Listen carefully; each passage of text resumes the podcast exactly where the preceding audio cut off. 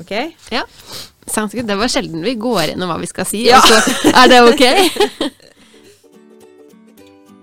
Skolelys En pod for oss med hjerte i skolen. med Stine Brynildsen og Cecilie Olandersson.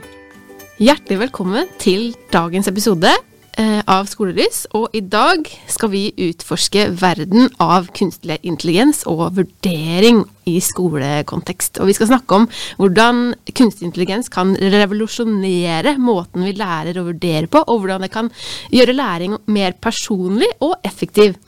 Og om hvordan det kan åpne opp nye muligheter for læring og utvikling. Eh, så la oss sette oss tilbake og la eh, fantasien løpe fritt mens vi utforsker mulighetene som kunstig intelligens gir oss innen skoleverden. eh, Du Cecilie, nå, nå burde du vel egentlig hatt en litt mer sånn robotaktig stemme? Burde Ja, du hva ikke det? mener du? At jeg har, jeg plagiert? Har Har jeg du skrevet juksa? det der helt alene?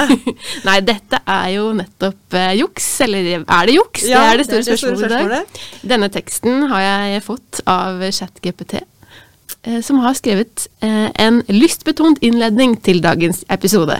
Som da skal handle om chat-GPT. Yes. men hvordan skal folk være sikre på nå da, at det vi sier i resten av episoden er våre, våre tanker og våre egne stemmer? At ikke manuset rett og slett bare kommer rett Ja, fra roboten. Det kan være en liten utfordring, rett og slett. um, ChatGPT er jo noe som har tatt uh, holdt på å si verden med storm. Ja, verden med storm. Både skoleverden og samfunnet generelt. Men kanskje hvis du uh, jobber i skolen, så må du ha bodd under en stein om du ikke har fått med deg ChatGPT-diskusjonen som har vært rundt på alle kanaler, både sosiale medier og på nyhetene osv. osv. Og det er jo en tjeneste som har skapt mye både frustrasjon og glede. Og du og jeg er jo også nysgjerrig på den tjenesten. Har, vi har utforska litt på egen hånd, men, eh, men jeg må jo si at jeg, jeg føler ikke at jeg kan veldig mye om eh, ChatGPT annet enn det lille jeg har prøvd sjøl.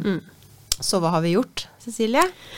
Vi har invitert med oss en eh, utforskende ekspert, kan man kalle det det? Ja, en, en gjest som har, eh, om ikke han har forska sånn, altså levert eh, fagfellevurderte forskningsartikler, så har han i hvert fall blitt veldig opptatt av og utforska ChatGPT og kan masse om det. Så vi er veldig glad for at du ville bli med oss, eh, Magnus. Koselig, koselig å få være med. Og Magnus, det er jo da Magnus Nord. Eh, Det er sikkert veldig mange som kjenner til Magnus Nord fra før av. Du er jo kollegaen vår, og særlig holdt jeg på å si kollegaen min. Vi jobber i samme fag... Din og Cecilie, men vi jobber i samme fagmiljø for IKT og læring. Eh, Og her har jo du jobba, som du pleier å si, en mannsalder, syvende far i huset, eller hva du kaller deg. Jeg har jobba i 27 år nå, faktisk. Ja. Um, og da er det jo særlig eh, muker, og det å um, utvikle og drive muker som du er kjent for. Vil du, vil du si litt mer om deg sjøl før vi starter? Nei, jeg er jo en teknologioptimist. Mm. Eh, veldig nysgjerrig på teknologi. Eh, jeg er dyslektiker. Så på en måte så er jeg veldig opptatt av, av verktøy som kan gjøre hverdagen til de med lese- og skrivevansker bedre, slik at vi kan fungere med lik linje med alle andre. Eh, så er jeg jo, tenker jeg, en, en person som har veldig troa på at teknologi faktisk kan hjelpe oss. Mm. Jeg pleier å si til folk at du må ta meg med en klipp salt, for jeg tror egentlig at teknologi kan løse alt. Så vi skal sitte her og dra og være litt sånn eh, Ja, vi blir kritikerne her. De her eh, sure kritikerne. Men, eh, men ja, og du er opptatt av nettbasert undervisning, og det er jo det du både utvikler og forsker på, ja, Ja, jeg, blant har, annet. jeg har ikke undervist i vanlig klasserom jeg siden 2016. Jeg Syns det er kjempebra å få lage nettbaserte studier eh, av høy kvalitet som studentene setter pris på. Og du ble jo også årets nettpedagog, faktisk, i 2022. Ja, det var stas. Ja, gratulerer med det. Takk. Men det er, ikke det, du har, det er ikke det du har eh, blitt invitert hit for å si noe om, men det er jo chat-GPT.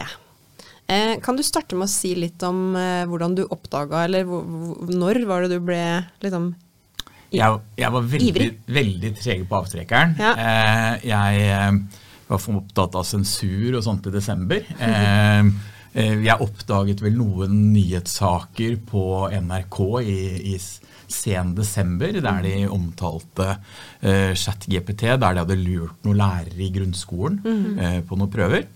Eh, og så lå egentlig dette her helt bero. Jeg hadde ikke prøvd det. Eh, så begynte jeg på jobb eh, 2. januar. Så 1.1 hadde jeg aldri prøvd det, og så skjønte jeg egentlig 2.1 her er det noe som skjer. Eh, og så har vi, er vi nå bare kanskje en måned etter det, når denne podkasten ble spilt inn. Og jeg har vel brukt all min ledige tid på å utforske ChatGPT siden det. Og, og ChatGPT er jo både en ny tjeneste, men også en ganske gammel tjeneste. Så jeg tenkte kanskje vi skal, før vi liksom fortsetter å si noe om, om, om det, kan, kan du gi oss noen sånn historisk oppsummering av egentlig hva er ChatGPT? Ja, da tenker jeg at vi må begynne et hakk før der. Ja. Og da må vi fortelle om noe som heter OpenAI. eh, jeg tror, hvis jeg ikke husker feil, at det ble starta 2019-ish eller noe sånt nå. Av Elon Musk og et par andre visjonære teknologer. eh, Som laga et film, firma som heter OpenAI. Og som det ligger i det, så er det open, altså det er en åpen løsning som mange kan bruke. Og så er det AI, Artificial Intelligence, eller kunstig intelligens, som vi sier på norsk. Denne motoren er jo da en, en For å prøve å si det enkelt Det er ikke, det er ikke mulig Nei. å si det enkelt. fordi at jeg skjønner ikke engang sjøl hva egentlig OpenAI gjør, men det er en algoritme. Eh, og du putter inn data inn i OpenAI for å trene opp den kunstige intelligensen. Og det der er for vanskelig for de fleste folk å skjønne. Og noen av de første tjenestene vi fikk ut av OpenAI, det var DAL-I. eh, det er satt sammen av navnet Salvador Dali og Wall-E fra Disney. Dette er tjenesten der du kan på en måte skrive inn en bestilling og få kunstig intelligens til å generere et bilde. Eh, og denne tjenesten var på en måte den første lille forsmaken vi fikk inn av kunstig intelligens i norsk skole. Eh, selv så intervjua jeg Morten Gudvin for en par uker siden. Han er professor i kunstig intelligens på Universitetet i Agder. Og sånn, da stilte jeg spørsmålet sånn Ja, dette er jo veldig nytt. Nei, Magnus, Nei. det er ikke veldig nytt i det hele tatt. Kunstig intelligens har vært der veldig lenge. Det som skiller seg nå med ChatGPT, det er at plutselig har alle fått tilgang til det. Og så er det en veldig, veldig kraftig tjeneste. Fordi at Elon Musk han er jo verdens rikeste mann, så han har hatt økonomiske muskler til å bruke veldig mye penger. Og når vi sier veldig mye penger her, så mener vi veldig mye datamaskiner, veldig mye datakraft, til å tygge store, store mengder data. Så ChatGPT den lagde de vel egentlig som et lag oppe på OpenAI første gangen rundt 2019. Og i og med at vi hører tallet ChatGPT3, så har det jo vært noe forut for dette. Så ChatGPT1 eh, den kom ganske tidlig. Og så hadde vi neste versjon, eh, ChatGPT2, som eh, utviklerne selvfølgelig hadde eh, tilgang til, og en god del forskere. Så jeg har ikke disse datoene helt klart, men jeg deler de inn sånn at ChatGPT2 var det vi hadde fram til 30.11.2022. Det var da man slapp ChatGPT3. Som er den som har fått virkelig blest. Ja. Eh, og ChatGPT3 den tok jo da verden med storm. Det er den raskest groende tjenesten på internett noensinne. Eh, I sånne internettsammenhenger så snakker vi om hvor lang tid det tar ofte til du når én million brukere. Og ChatGPT3 den brukte bare fem dager på å nå én million brukere. Den gamle rekorden den hadde Instagram, og den brukte 29 dager på å komme opp på dette nivået. Og da ble det jo, når, når ChatGPT3 kom, da, så ble jo det her en, en, en, en øyneåpner av dimensjoner. Eh, som jeg vil tenke på at veldig mange nå til å begynne med tenker som et problem, men som når dette sjokket over hvor god den er, og at vi må gjøre om vurderingsmåtene våre, så tror jeg dette her eh, to-tre måneder så tror jeg vi er klare for å snakke om hvor fantastisk verktøy dette her er for framtiden. Og vi skal jo snart si litt om muligheter og utfordringer, men bare for å eh, liksom sette det enda mer eh, sånn i sammenheng, da, så ChatGPT er jo da Det er kunstig intelligens, men det finnes mange ulike typer kunstig intelligens, og jeg har ofte tenkt at den er kanskje mer, altså Kunstig intelligens er kanskje mer kunstig enn intelligent mange ganger, men det handler rett og slett om at ChatGPT er en sånn stor språkmodell, gjør det ikke det? Så man har mata inn masse tekst, og så genererer den da tekst. Er det sånn det henger Ja, sammen? det er, det er, er en, det er en eh, chatbot, eller en språkmodell, eh, og veldig mange bruker dette verktøyet litt feil på nåværende tidspunkt. Altså, hvor har vi gått til å hente informasjon tidligere? Jo, vi har gått til Google. Google har noe sånt noe som 92% av søkemarkedet i verden. Og når veldig mange kommer inn på ChatGPT for første gangen, så tenker de egentlig litt googlesk. googlesk. Så de går inn, og så begynner de å skrive inn søkeord, eller det vi kaller som søkesyntaks, eller søkestrenger i Google. I Google så handler det om å stille spørsmålet så godt som mulig én gang for å få et godt svar. Men sånn fungerer ikke ChatGPT. Den er på en måte bygd opp som en samtalepartner.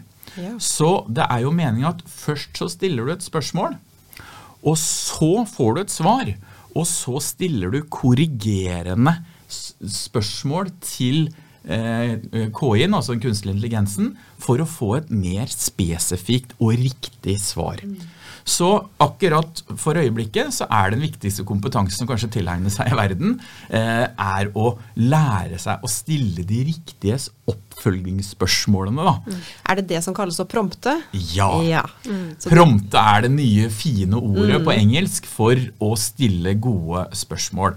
Og eh, akkurat nå så eh, kaller man ofte det for prompt engineering. Prompt engineering handler rett og slett om å stille de gode spørsmåla til ChatGPT, slik at du får de gode svara ut. For det er shit in, shit out. Så hvis du ikke klarer å korrigere eh, spørringen din, så får du ikke de gode svara. Og dette er jeg helt sikker på er en kompetanse som blir veldig viktig i skolen i fremtiden, slik at vi lærer å bruke ChatGPT, som egentlig er den personlige assistenten vi har ved siden av oss, og våre elever, og vi kommer til å ha med oss den personlige assistenten for all fremtid. Så det å snakke med den blir viktig. Akkurat nå, i det lille tidsspennet av en, en tidshorisont som vi er inne i akkurat nå, så er faktisk prompt ingeniør er også et yrke. Det handler om at det er en person som har lært seg å stille gode spørsmål til ChatGPT for å få de gode eh, svara ut. Så hvis du har, vil ha et svar ut, så går du til denne personen og sier til den personen hva du er ute etter eh, å få fram. Og så stiller den de gode spørsmålene. Så jeg kan ikke fortelle dere i dag Jeg prøver hele tiden å finne ut Jeg prøver å lage en liste over de gode spørsmålene, men der er jeg absolutt ikke ennå. Og det der er ikke veldig lett. Du skulle tro det var enkelt, men her må vi faktisk øve og trene. Og så er det sånn at eh, de slipper jo nye versjoner av ChatGPT omtrent ukentlig nå, med revideringer. Så uh, utviklingen går jo så utrolig fort, så noe som ikke var mulig forrige uke, er plutselig mulig nå osv. Men det er viktig å vite da, at ChatGPT3, sånn som den er der nå, er ikke en søkemotor. For informasjonen som er på ChatGPT3, det er masse, masse informasjon i verden. Ikke hele internett, men ganske så mye av informasjon fram til 2001. Fram til 2001? Nei, To, ja, unnskyld, 2021. 2000, Ja. 2021. Unnskyld. Eh, så, så det er på en måte ikke helt oppdatert i forhold til det som skjer. Nei. Men jeg tenker at det kanskje i hvert fall er viktig å se for seg det, de rammene på en måte som ChatGPT er. Fordi eh, som du sier, det er jo lagt opp til at det skal fungere som en type samtalepartner. Så når man skriver spørsmål til eh, i tjenesten, så får man svar som kan virke personlige tilbake. Men det er da altså kunstig intelligens som setter sammen og bygger opp en tekst ut ifra de svarene man tror du vil ha. Sånn at eh, det er ikke en person. Jeg prøvde meg på, å stille sånne Late som jeg var en liten unge og spørre hva er det hunden min skal hete, og hvorfor burde den hete det, og hva skal jeg gjøre når søstera mi krangler, osv. Og, så og da fikk jeg sånne moderlige svar tilbake som at eh, ja, det må ikke krangle med, med broren din, for, eh, men jeg kan ikke bestemme hva hunden deres skal hete. Så det virker som en samtalepartner. Men som du sier, man prompter, altså du, du legger inn spørsmål, og basert på de spørsmåla, så skriver den da Den kan jo skrive nye versjoner òg av en tekst, f.eks. Som den finjusterer på en måte, da. Eh, Så det, det var en som, eh, som, som prøvde å forklare det en gang, som sa at eh, se for deg en som på en måte må ha veldig konkrete spørsmål for å kunne gi deg noe svar, og så må du stille nye konkrete spørsmål som den da kan bygge videre på. Så det betyr at innledningen min eh, i dag, der skulle jeg ha prompta litt Ja. grann mer. Jeg gjorde det bare én gang. Det kunne du ha gjort for, Ja. for å finjustere litt. Du har jo utforska det litt, eh, du Magnus, med, med å skrive en tekst, og så har du bedt den om å skrive det i ulik, fra ulike perspektiver. Ja, eh, jeg er jo veldig opptatt av digitale hjelpemidler for elever med lese- og skrivevansker. Og du spurte meg eh, Ofte så har jeg stilt meg spørsmålet sjøl, og andre har stilt meg spørsmålet hva er det viktigste digitale verktøyet for elever med lese- og skrivevansker. Hadde du stilt meg det i 2014 til 2018, så ville jeg sagt eh, talesyntese, som leser opp teksten for deg. Fra 2019 til 2022 så ville jeg sagt stemmestyrt skriving, eh, som du kan på en måte ha en sekretær som skriver ned det du vil for deg. Det er jo alt jeg har drømt om som dyslektiker. Spør du meg om spørsmålet nå, så sier jeg uten tvil chat GPT. Fordi at eh, jeg har prøvd det ut med å skrive vanlige tekster. Eh, jeg er jo så privilegert som har gode kollegaer som Stine f.eks. Stine er veldig ofte norsklæreren min. Så når jeg har skrevet en tekst som vi skal legge ut til studentene, så må jeg ha hjelp av Stine eller en annen kollega for å rette opp alle disse skrivefeila. Eh, og jeg setter veldig pris på at de hjelper meg med det, men jeg syns det også er litt pinlig som førstelektor å gå til kollegaene mine hele tiden måtte spørre om det, selv om terskelen har blitt mindre. Dessverre så er det veldig få elever ute i skolen som har tilgang til eh, en så gode kollegaer, og som kan hjelpe meg med å skrive. Men nå føler jeg i forhold til fremtida, så kommer jeg til å besøke deg mye mindre, Stine, for å få den I hvert fall i forhold til det, ja. Ja, eh, fordi at eh, det jeg har gjort nå, det er at jeg har eh, skrevet tekster, og så har jeg skrevet til ChatGPT kan du gjøre den her teksten bedre. Eller kan du rette opp skrivefeilene i denne teksten, og så limer jeg inn en tekst. Eh, I forrige uke så skrev jeg en tekst på rundt eh, seks-syv linjer, tenker jeg. Og så limte jeg den inn i ChatGPT. Og så eh, gjorde den språket mye bedre enn hva mitt språk er, og retta opp alle skrivefeila. Eh, på, den, på disse linjene så fant han i sånn gjennomsnitt to til tre skrivefeil per linje. Som han retta opp. Eh, jeg tror det var bare ett sted, eh, og det har jeg hørt fordi at det er Stine som har fortalt meg det, eh, som han ikke klarte å rette opp Den skrev skrivefeilen. retskriving med én T gjennomgående. Men Ja. hadde du sagt inn, så hadde han antageligvis retta det opp. Men det som også er greia, vet du, dere, det er at ChatGPT har jo aldri lært norsk. Nei. Eh, den Ja, er for jo- det er veldig fascinerende. Den er jæskla god på norsk også. Ja, men han er litt bedre på engelsk. Ja. For det er engelsk han har lært. Men han har lest så mange norske tekster idet de har på en måte matet algoritmen i OpenAI. Så gjennom å lese masse norsk tekst, så har den også lært å skjønne norsk. Så det som er spennende, er når vi begynner å få F.eks. svenskene er i gang med et nordisk prosjekt som heter de ChatGPT SV3 eh, Sweden. Eh, der de skal prøve å trene opp på nordiske språk. Da. Eh, så hva blir dette her når den, den blir bedre? Men, men uh, altså vi, nå, nå tar vi jo da for oss mulighetene, og da har du nevnt eh, eh, lese-skriveutfordringer. Altså folk med dysleksi, sånn som deg, som kan bruke det i, i stor grad. Ja, og så har du jo, som du nevnte i stad, du hadde en starterprogrammet. Jeg har prøvd masse på å skrive startere på historier. Og så gi meg starten på en historie, og så kan eleven fortsette å skrive. Eller jeg går inn, og så ønsker jeg å ha skrevet historien, men jeg klarer ikke å avslutte den. Kan du avslutte historien for meg? Jeg vil ha happy ending, jeg vil at ingen skal dø, men jeg vil ha en punchline på slutten. Så skriver du inn det, eh, og så skriver den ut svaret for deg. Så fortalte du også en gang om en lærer som hadde en elev som ikke var så glad i å lese, men som hadde fått ChatGPT til å skrive en, en historie om Jeg tror det var noe med svømmelæring. Ja, det var jo sånn at eh, i forhold til motivasjonen for lesing, da, så er det jo sånn at eh, nå er jo skolen veldig mye bedre med å gi gode tekster for lesetreninga enn hva jeg følte jeg hadde når jeg gikk på skolen. Men jeg tenker det jo som så at eh, du kan få opp motivasjonen en hakk hvis du tar akkurat det elevene er opptatt av her i dag. Eh, om det er YouTube-stjerner, eller om det er Harry Potter, eller eh, som jeg brukte i et eksempel på, med Pokémon. Eh, og så tenkte jeg eh, hvordan skal vi få svømmetrening eh, interessant eh, og få litt lesetrening? Så da så ba jeg den skrive, skrive en historie om Pokémon og hvor viktig det er å lære å svømme. Eh, og så fikk jeg en kort tekst, og så kan du definere hvor lang eller kort tekst du skal ha. Brått så så var Pikachu ute og svømte, og han måtte bli redda, og det var, og, men eh, det endte, det endte godt, da.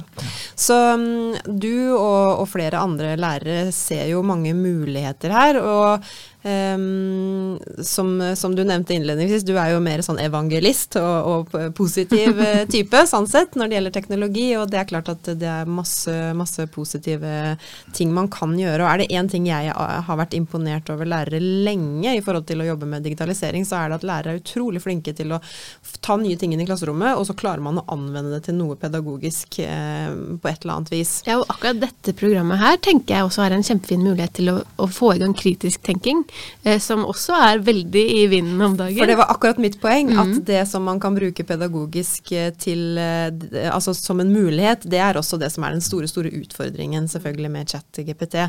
Og det kan jo godt hende at vi lager en episode en gang der vi har, eh, inviterer noen andre inn, og så vil vi få helt andre perspektiver enn det Magnus eh, har. Eh, men vi må jo si litt om de utfordringene òg, fordi i, i mitt hode så er det veldig mange utfordringer. Jeg er den som holder litt tilbake. Jeg er ikke så Vi har en kollega som Eller vi, vi tulla med det, da, Magnus, det vet ikke du, men vi tulla med at du var en evangelist, og så sa kollegaen vår, Sonja, at hun var en ateist. Så. For jeg vet at, at dere har diskutert uh, ChatGPT masse, og vi har jo diskutert det på fagmiljømøter, vi har diskutert det på programmøter, så, så det er jo en tjeneste som, eh, som utfordrer oss i stor grad òg. Og en av de tinga som både da kan være en mulighet og en utfordring, er f.eks. kildekritikk. Fordi vi vet jo det at ChatGPT, som vi sa innledningsvis, er ikke noen intelligent Altså det er ikke en person som er intelligent, men det er en, en tekstgenerator som setter sammen ting man tror. Og hvis ikke han har svaret, hva gjør han da? Ja, det har et veldig løselig forhold til sannheten. Da har han et veldig løselig forhold til sannheten. Eh, og, og det bygger jo på at, at folk tror det er en søkemotor. Ja. At de tenker på det som en søkemotor. For det er en, en chatrobot. Ja. Eh, og chatroboten prøver alltid å hjelpe deg. Selv når han ikke har svaret. Han burde jo selvfølgelig sagt nei, vet du hva, det vet ikke jeg noe om. Selvinnsikt er det ikke Nei, å gå på. selvinnsikt. Nei. Det er det jeg mener. Den er ikke så intelligent sånn, da. Så eh, jeg prøvde her om dagen så prøvde jeg Jeg har- jeg prøvde prøvd å sette den fast veldig mye. Jeg klarte ikke det, men jeg holdt mye foredrag i det siste. Og så kom det en lærer til meg og sa at jeg vet hva, han bare ljuger, sier læreren til meg. Og det har jeg ikke opplevelsen av sjøl, for jeg har ikke klart å oppdage det. Eh, men hun hadde da et eksempel til meg som jeg prøvde ut selv, og det var om skogfinner. Eh, vi, vi, sk- eh, og skogfinner, eh, det forklarte hun meg også, det er en, en nasjonal minoritet i Norge eh, som ikke jeg visste om. Men så skriver jeg eh, 'fortell om skogfinner', sier jeg til ChatGPT. Eh, og da drar det av gårde med en løgnhistorie som ville fått Pinocchio til Ja. å få en eh, milelang nese. For dette var et primitiv folk som levde i naturen, og jeg tror at skogfinnene hadde blitt blodig fornærma hvis de hadde sett den definisjonen. Så den på en måte, den, den, den, hvis den ikke vet, så, så sier den det ikke. Og det er det største problemet akkurat Det nå, er er at han problem. bare lyver. Så vi kan ikke stole på den 100% Og det andre store store problemet er jo at den har et løselig forhold til kilder, som du Veldig sa. løselig forhold til kilder. Fordi at hvis du, du kan be en om å eh, be en om å få eh, en, en tekst med sitater og referanser på, men veldig ofte så finner han på disse referansene. Så hvis du, hvis du har et, eh, eh, et fag som du kanskje ikke vet så mye om, eh, dyrking av korn f.eks., hvordan er effektiv måte å dyrking av korn i Norge, så ville jeg fått et svar fra jeg som ikke kan noen om å dyrke korn, jeg ville fått et svar som jeg syntes var veldig imponerende. Men en som er ekspert innenfor området, den ville sannsynligvis klart å på dette tidspunktet i tid skjønne at dette her var på en måte feil laga. For jeg opplever veldig ofte på referansene så eh, jeg spurte om, eh, om man kunne legge inn referanser i forhold til den lagde pensum om ChatGPT da, eh, på, om kunstig intelligens. Og da opplevde jeg rett og slett f.eks. at han lagde en referanse mot en TED-talk. Eh, og så gikk jeg etter den referansen, da, og så viste det seg at den personen som sto forfatter av TED-talken, den har holdt mange TED-talk. Og tittelen på programmet det var et prosjekt på MIT om kunstig intelligens. Men da hadde den bare satt sammen de to komponentene til én referanse. Og ofte så er det jo sånn nå at han refererer f.eks. mot Store norske leksikon for eksempel, og sånne ting. Så ChatGPT3 er veldig dårlig på å holde seg til sannheten alltid, og ha gode referanser. Og det er jo der vi jo får det her enda større Altså én ting er jo hvordan du kan utnytte det på, i skolesammenheng pedagogisk, men du får jo selvfølgelig også utfordringene med hvordan man eh, kan bli lurt, rett og slett. Og den kjempestore utfordringen hva er det som egentlig er sant og ikke sant, og hvem skal du stole på. Fordi hvis man som du sier, korn er jo en uskyldig sak, da, men hvis man spør om noe annet, eller hvis man f.eks. later som at man har gjort forskning ikke, og, og, viser til forskning som ikke fins, eller resultater som ikke har vært gjort, altså hvordan skal man til slutt vite hva som er sant og ikke? Så det er de kjempestore samfunnsmessige utfordringene som uh, sikkert krever 500 episoder uh, men du, en annen gang. Men Du annonserte meg jo som teknologioptimist, ja, ja, så la meg, så la meg, du, så la meg beholde, du får lov å kjøre på. holde hatten på. ja. eh, jeg tror dette er lite viktig. Det er et sterkt forbigående problem. Fordi at akkurat nå så jobber vi med ChatGPT3. Mm -hmm. eh, og altså annonsert den største tjenesten i forhold til voksing på internett noensinne. Og alt det vi gjør for øyeblikket, folkens, når vi snakker med ChatGPT3, det er at vi er gratis arbeidskraft mm. for OpenAI, mm. som nå trimmer algoritmen sin fram til de skal slippe ChatGPT4. Og den er det veldig mye rykter om forskjellig når han kommer. Han kommer i 2023. Veldig mye tyder på at han kommer allerede i mars 2023. Og det vil si at eh, når den kommer, så kommer den til å være 1000 ganger smartere enn det ChatGPT3 er. Mm. Altså vi er på, på T-Ford-utgaven uh, i forhold til bilutviklinga. Mm. Vi er på den første bilen, mm. uh, og vi kommer sannsynligvis være på Tesla før året er ute. Uh, utviklingen går jo ekstremt fort her. Så min spådom er at disse problemene vi ser om i forhold til løselig forhold til sannheten og dårlig på å sitere kilder, det tror jeg er borte allerede i mars. Og for oss som jobber i høyere utdanning, det er i god tid før studentene skal levere hjemmeeksamene sine til våren. For, for det er jo da eh, eller. eller. eller. er det det? Ja, eh, ja så jeg, jeg, tenker at det er en hel, hel haug med utfordringer, selv om ChatGPT blir, blir, flinkere til å vise til korrekte kilder osv. Det er fremdeles den store spørsmålet med hva er sant, hvem har skrevet, hva eh, Alt det der. Men det er ikke det vi egentlig hadde tenkt å ha mest fokus på nå. Bare vi, jeg har mange kritiske spørsmål som, eh, som jeg tenker er viktig å diskutere òg. Men hvis vi ser på um, Du nevnte jo eksamen nå, Magnus. Eh, og det er jo noe med her og nå, da. Mm. Hvis vi tenker på hva, hva, har, hva slags utfordringer, muligheter, hva betyr det for det å være lærer nå? Har du gjort deg noen tanker om det? Hva kan man gjøre, hva kan man ikke gjøre? Ja, mm, jeg, det er et ord som heter 'disruptive innovations'. Mm. Eh, og denne her har på en måte eh, ødelagt for vurdering etter gamlemåten, sånn som jeg ser det. Og eh, det heier vi jo på.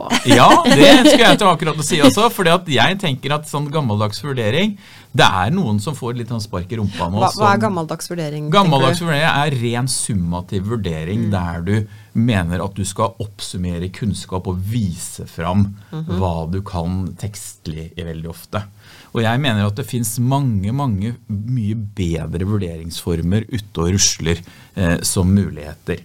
Eh, jeg syns vi er veldig flinke på mukene på Høgskolen i Østfold, men jeg har fått meg et spark i baken sjøl mm. også. Jeg har, har putta inn alle eksamensoppgavene jeg har i mukene mine inn i ChatGPT. Tør du å si det høyt, Magnus? Ja, jeg har det. For jeg måtte jo kaste meg rundt og lage pensum til mine studenter om ChatGPT. Jeg har en mm. modul som heter Vurdering for læring. Mm. Eh, og jeg mente det var rett og slett uansvarlig av meg å undervise det dette semesteret uten å ha med det. Mm. Så i, i, den så bruker jeg et eksempel på en oppgave som studentene har hatt tidligere i en modul som heter Digital dømmekraft. Der ber jeg studentene om å skissere et undervisningsopplegg på 400 ord om hvordan de ønsker å bruke, lære datasikkerhet til sine elever. Eh, og den oppgaven den blir så til de grader Dette er en eksamen som er bestått, ikke bestått. Mm. Eh, og den blir bestått hver gang. For jeg, egentlig mer at jeg setter inn den, så får jeg kjempebra undervisningsopplegg. Så nå skulle vi snakke om vurdering, men jeg tenker at alle dere lærere der ute Dette er jo en kjempeløsning i forhold til hvis du skal undervise et tema som du ikke er så veldig god i fra før, og få noen tips til hvordan du kan legge opp undervisninga. Men, men, til vurdering her, da, så, så svarer han én gang, så ber han kan du gi meg en annen eksempel. Så svarer han noe annet, og da er det et helt annet tema. Mm. Og så sier jeg en tredje gang kan du gi meg enda et eksempel, men nå vil jeg ha mer praktiske eksempler. Og den gir meg og gir meg og gir mm. meg. Så eh, jeg må jo også inn og forandre en del på mine oppgaver. Mm. Eh, men da vil jeg gjøre innsalg for en, en, eksamensmåte som vi bruker på mukene våre på Høgskolen Østfold, nemlig refleksjonsvideo. Mm. Eh, refleksjonsvideo den er fra sju-åtte år tilbake i tid. Da var jeg den eneste som jobba på seksjonen for IKT og læring på Høgskolen Østfold. Eh, og jeg er dyslektiker, og det var på en måte helt umulig for meg å skulle lese tisiders refleksjonsnotater for 200-300 studenter. Eh, og så fant jeg på en måte opp refleksjonsvideo for at jeg i hele tatt skulle kunne vurdere dette. her. Da Da skulle man lære et produkt, og så skulle man lage en refleksjonsvideo basert på gode vurderingskriterier. Eh, og nå har jeg jo fått 14 dyktige kollegaer som er med oss på teamet. Og jeg tror vel at vi bruker refleksjonsvideo i så godt som alle mukene vi har nå. For at alle har sett at dette er en veldig god eksamensform. Det blir veldig transparent om den studenten som skal reflektere her, om den har peiling på hva den snakker om eller ikke. Vi fikserer da veldig på at studenten skal konsentrere seg om hvorfor og ikke hva. Mm. Altså hva det kan vi se på produktet deres som de har lagt ved ved siden av. Så vi vil at de skal reflektere pedagogisk om, om hvorfor. Eh, og en god venn av meg, Sven Andreas Horgen, som er leder for læringslaben på Universitetet Sørøst-Norge, han sa til meg en gang Magnus, jeg har aldri opplevd at vi er så samstemt i samsensuren mm. som når vi går til refleksjonsvideo. Mm. For det blir så transparent om den som sitter der, har peiling på det den snakker om eller ikke. Så for dere som har panikk der ute akkurat nå, så vil jeg absolutt eh, anbefale å gå på YouTube-kanalen min, youtube.com slash Magnus Nord, og skriv refleksjonsvideo. Der har jeg laga en video om våre suksesskriterier når vi bruker refleksjonsvideo som eksamensform.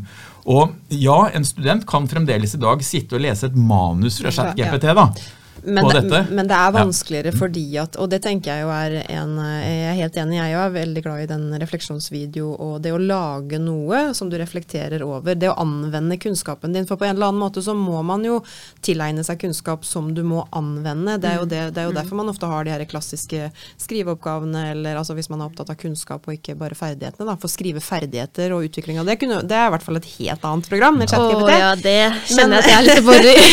men hvis vi tenker i forhold til å kunne vise fram kompetansen sin, da, så er det en veldig god måte å gjøre det på, som opplever jeg jo. fordi da, da, må du knytte det til noe. Det er ikke så lett for ChatGPT å se i, det, i den sammensatte teksten her, da, f.eks så har jeg valgt å bruke denne den fonten, eller jeg har valgt å bruke denne den fargen, eller jeg har kombinert det sånn at det skal være lett for eleven min å forstå sånn og sånn.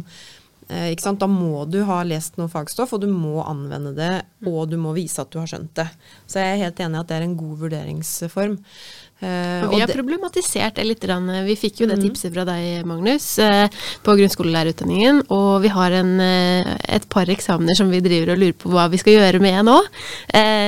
men vi er ikke helt overbevist, altså. Prøv. Ja, ja, ja. I hvert fall lage Jeg tenker det å lage eh, oppgaver som, ja, som sagt, at man må anvende både kunnskap og ferdigheter da, for, mm. å få, for, å vise kompetanse. Men jeg syns det er kjempevanskelig, det syns jeg. Og jeg tenker også at vi må se an veldig hvilken alder, altså hvilke, hvilken alder på elevene jobber du med, og hvor store er de, hvor for det kan være veldig veldig krevende òg å lage en type eksamensoppgave som, eller en, en annen type vurderingsoppgave da, der eleven skal ha et veldig sånn, høyt refleksjonsnivå. Så det er jo det å finne liksom, gode vurderingsformer for de forskjellige aldersgruppene, tenker jeg jo da. Mm. Vurderingskriteriene er alfa og omega mm. i en sånn sammenheng. Eh, det er på en måte vurderingskriteriene de svarer på i en refleksjonsvideo. Mm. Så det er selvfølgelig viktig, og så må du tilpasse det selvfølgelig til elevens alder. Jeg har mest brukt det på universitet- og høyskolenivå. Eh, og der svarer, der svarer, jo eh, Når vi gir dette til studentene, så sier 80% av dem at oi, det var kjemperedd med en gang jeg skal inn og gjøre det. Eh, og når vi spør dem i evalueringa etterpå, så sier 80% av våre studenter at det er den eksamensformen jeg kan tenke meg på den neste eksamen min mm. i høyere utdanning. Mm. Og uansett da, at det gjør noe med lærerens rolle, altså sånn som all teknologi gjør, og det at man eh, må diskutere det, det tenker jeg jo er noe av den det jeg håper da, at det er den viktigste takeawayen. Fordi jeg har ikke noe tro på å liksom stoppe alt. Du kan ikke stoppe, du kan ikke slå av. Det, det funker dårlig. Du må ha et eller annet reflektert forhold til det som skjer, da. Um, men at ChatGPT er en type Den har liksom sveiva over oss som en tsunami i enda større grad enn både kalkulator og internettet, vil jeg si. Uh, det tenker jeg er helt sikkert. Det, er jo litt, det kommer litt sånn som korona, litt sånn brått på. Ja, og jeg venter på den vaksina, på. på en måte. Jeg var veldig positiv i starten, og jeg har blitt mer skeptisk jo bedre jeg har blitt kjent med verktøyet. Um, og, men GDPR er jo en ting som vi kanskje må komme innom her fordi jeg, kan, jeg har veldig lyst til å bare be studentene gjøre en oppgave, altså bruke uh, chatboten um, og tenke kritisk sammen eh, om det. Men der er vi ikke helt ennå. Nei, det, det, kan du faktisk ikke gjøre, fordi at du har ikke en databehandleravtale med ChatGPT3. Mm, mm. Eh, og du vil ikke få det heller i gratisversjonen. De lagrer dataene sine i USA. Mm. Eh, det, så det vil du ikke få. Eh, men eh, da, det skal jo da gjennomføres en såkalt ROS-analyse, risiko- og sikkerhetsanalyse. Eh, og jeg har faktisk fått gjennomført en ROS-analyse sammen med personvernombudet på Høgskolen i Østfold. Og da ser man på fordeler og ulemper. Mm. Og jeg har faktisk fått lov med argumentasjoner og få gjøre det allerede dette semesteret. Mm. Men det kan ikke du som vanlig lærer gjøre uten å ha juristene i ryggen. på en måte. Mm. Eh, og Jeg kommer til å gi studentene en oppgave der de skal putte inn en oppgave de har gitt til sine elever tidligere. Og så skal de ta på seg eh, lærerhatten. Eh, og så, eller De skal gi en oppgave de har gitt tidligere, og så skal de stille tre pronter, altså korrigerende spørsmål. Og så skal de ta på seg lærerhatten og se om de har klart å og, og, og, se om dette her var en tekst generert av uh, ChatGPT eller lignende tjenester. Mm. Og så skal de lage en refleksjonsvideo da, som de snakker om hvordan de opplever dette her. Men dette er også et forbigående problem, tror jeg. Fordi at uh, uh, inngangen til 2023 er jo da Google den ubestridte søkemotoren i verden. Og nå er det sånn at nylig gikk eh, Microsoft inn og kjøpte, brukte 100 milliarder norske kroner å kjøpe seg opp i eh, OpenAI. Mm. Og nå eier Microsoft 49% av OpenAI. Allerede i mars så kan det hende at eh, ChatGPT3 blir integrert i Bing, altså søkemotoren til Microsoft. Vi har jo alle forsøkt å bruke den en eller annen gang. Prøvd den, funnet ut han er jo ikke noe bedre enn Google, så hvorfor skal jeg bytte? Mm. Men når vi går ut i dette året, så er kanskje rett og slett uh, den integrert i, så du får både den vanlige søkestrengen, og så får du muligheten til å bruke ChatGPT3 til å spisse og formulere eh, svaret til akkurat det du vil ha.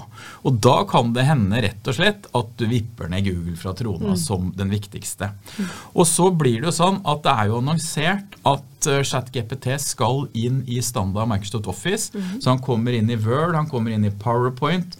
Eh, den kommer sannsynligvis inn i Excel, der er han faktisk kanskje mest å gjøre. Og så kommer den inn i Outlook. Jeg må jo si at jeg gleder meg til chat-GPT-knappen kommer i Outlook.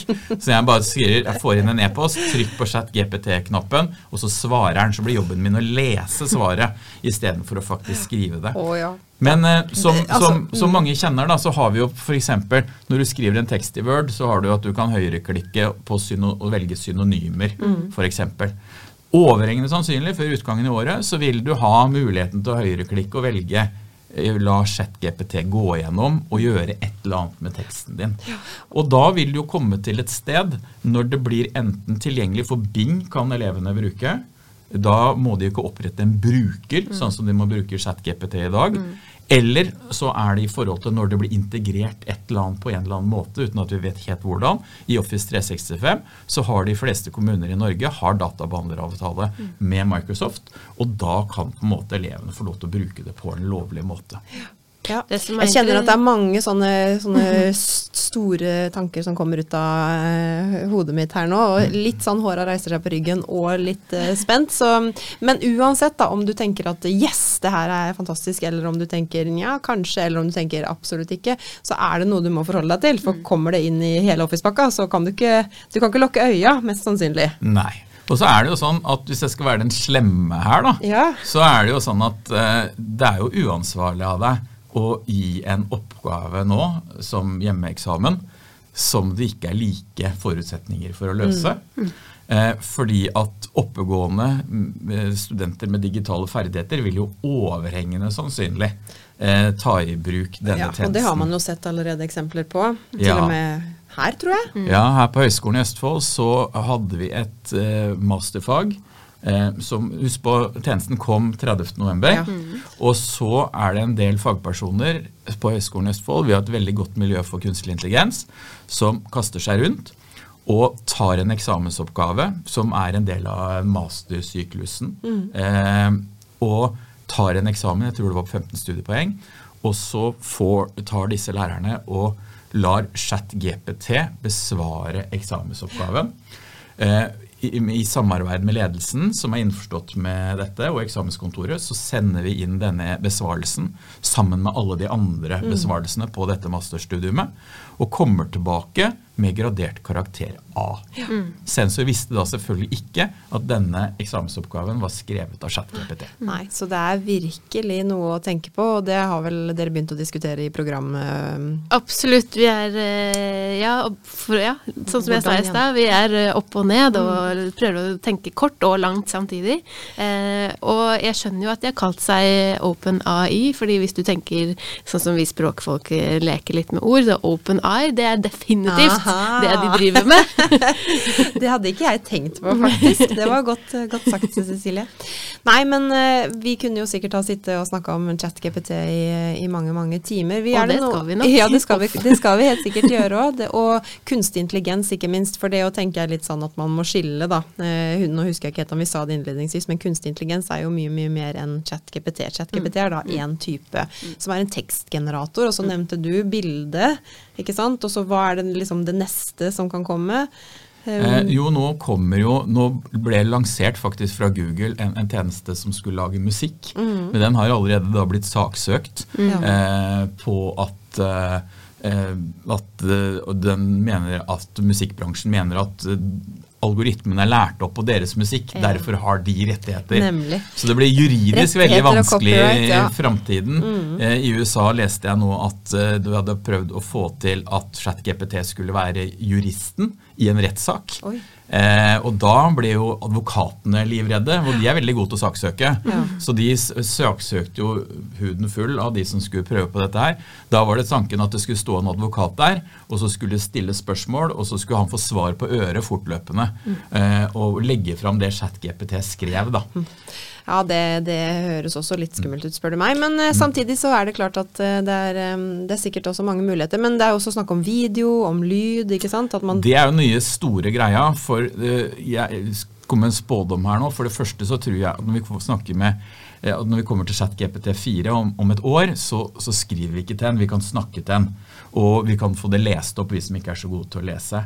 Men den nye store inn er jo når dette her kommer med video. Eh, og du kan snakke med og få avatarer. Eh, mange har kanskje hørt om deepfake. Eh, at man, man får Abraham Lincoln til å si et eller annet. Eh, eh, Abraham Lincoln sier at 'nå har jeg fått meg ny Snapchat-konto', Ja. eksempel. Eh, så du, eh, teknologien kommer til å gå veldig, veldig fort fremover her. Eh, og, og dette med video og det med faktisk med roboter eh, er de store, store eh, fremvoksende næringene som man tror på, de som følger veldig med på dette her, da. Så at vi må forholde oss til det, at vi må følge med på det, være litt nysgjerrige og kritiske, det kan det være siste ordet, eller? Yes, jeg tror det. Altså. Jeg prøver meg på et siste Ja, ord. gjør det. Eh, det som er viktig nå, det er å gå ut og prøve. Det er, du, du må ha en formening det, Det, om hva jeg dette her er. Du, du må ha en formening om det. Du må, det. Det kan jeg være helt enig med deg i, Magnus, selv om det er andre ting vi ikke er enige om alltid. Da konkluderer vi med Ja. Tusen, tusen takk for at du ville komme. Takk. Skolelys. En pod for oss med hjertet i skolen. Med Stine Brynildsen. og Cecilie Olandersson.